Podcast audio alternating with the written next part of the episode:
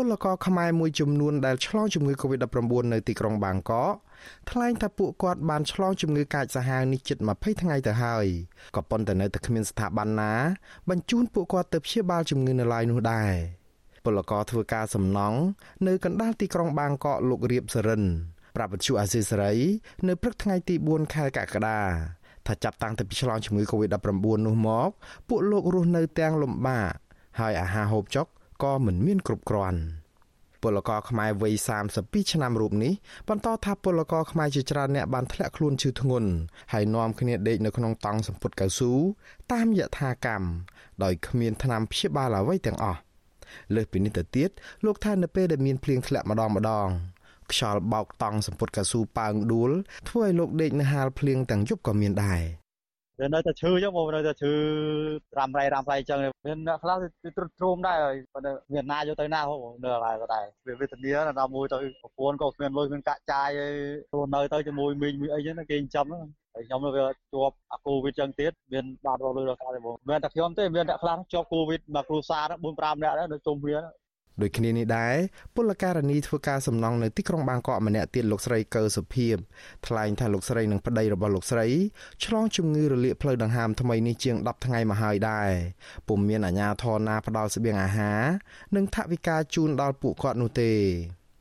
ស្ត្រីវ័យ38ឆ្នាំរូបនេះបន្ថែមទៀតថាពលករខ្មែរធ្វើការជាមួយលោកស្រីជាង30នាក់ដែលបានឆ្លងជំងឺនេះត្រូវថៅកែថៃបង្ខាំងនៅក្នុងតង់សម្ពុតកៅស៊ូរួមគ្នាយ៉ាងណែនណាន់តាន់តាប់ តែគេឲ្យយើងនឹងការពារខ្លួនឯងពេទ្យហ្នឹងគេថានៅកន្លែងពេទ្យហ្នឹងมันមានក្រែទំនេរទេគេយកតែអ្នកធ្ងន់ធ្ងរទៅអញ្ចឹងណាបងខ្ញុំព្រួយបារម្ភត្រង់ថាมันបានពេទ្យមកត្រួតมันបានពេទ្យមកមើលដូចថាខ្លួនយើងនៅជាប់កូវីដទៀតអត់វាមិនទាន់ច្បាស់ដឹងថាខ្លួនយើងជាឬនៅអញ្ចឹងណា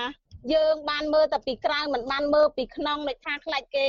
គេនិយាយតតគ្នាថាអុយថាខាងក្នុងចឹងយើងសងំសងំ VC នៅពីក្នុងអីអញ្ចឹងណាបងខ្លាចត្រង់ថាអាកូវីដនឹង VC សួត CA អញ្ចឹងណាវិទ្យុអាស៊ីសេរីមិនទាន់អាចតកតមន្ត្រីស្ថានទូតខ្មែរប្រចាំនៅប្រទេសថៃដើម្បីសូមអធិប្បាយជុំវិញក្តីកង្វល់របស់ពលករខ្មែរនេះបាននៅឡើយទេនៅថ្ងៃទី4ខែកក្កដាក៏ប៉ុន្តែមន្ត្រីស្ថានទូតខ្មែរទទួលបន្ទុកផ្នែកពលករប្រចាំទីក្រុងបាងកកលោកកឹមចម្រើន បានបង្ហោះសារតាមបណ្ដាញសង្គម Facebook របស់លោក នៅថ្ងៃទី4ខែកក្កដាថាស្ថានភាពបច្ចុប្បន្ននេះប្រព័ន្ធសុខាភិបាលប្រទេសណាក៏ដូចគ្នាដែរ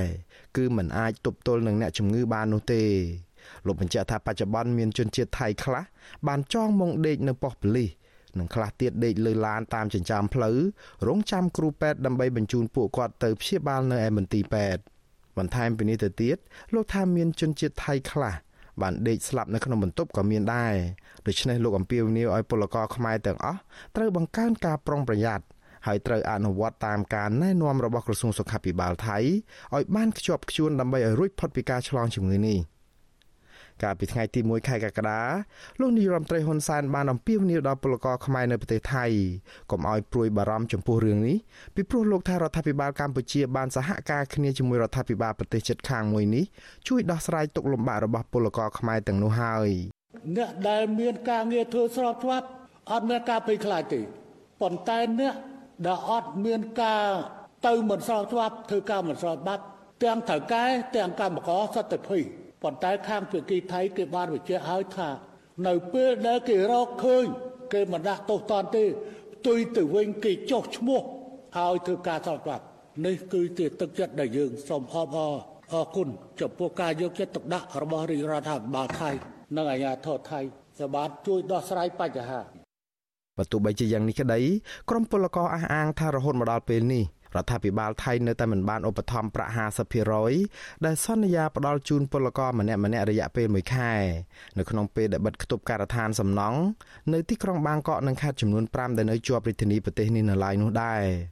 ជុំវិញរឿងនេះមន្ត្រីអង្គការសង្ត្រាល់ទទួលបន្ទុកផ្នែកពលករលោកឌីថេហូយ៉ាមានប្រសាសន៍ថាពលករខ្មែរនៅប្រទេសថៃ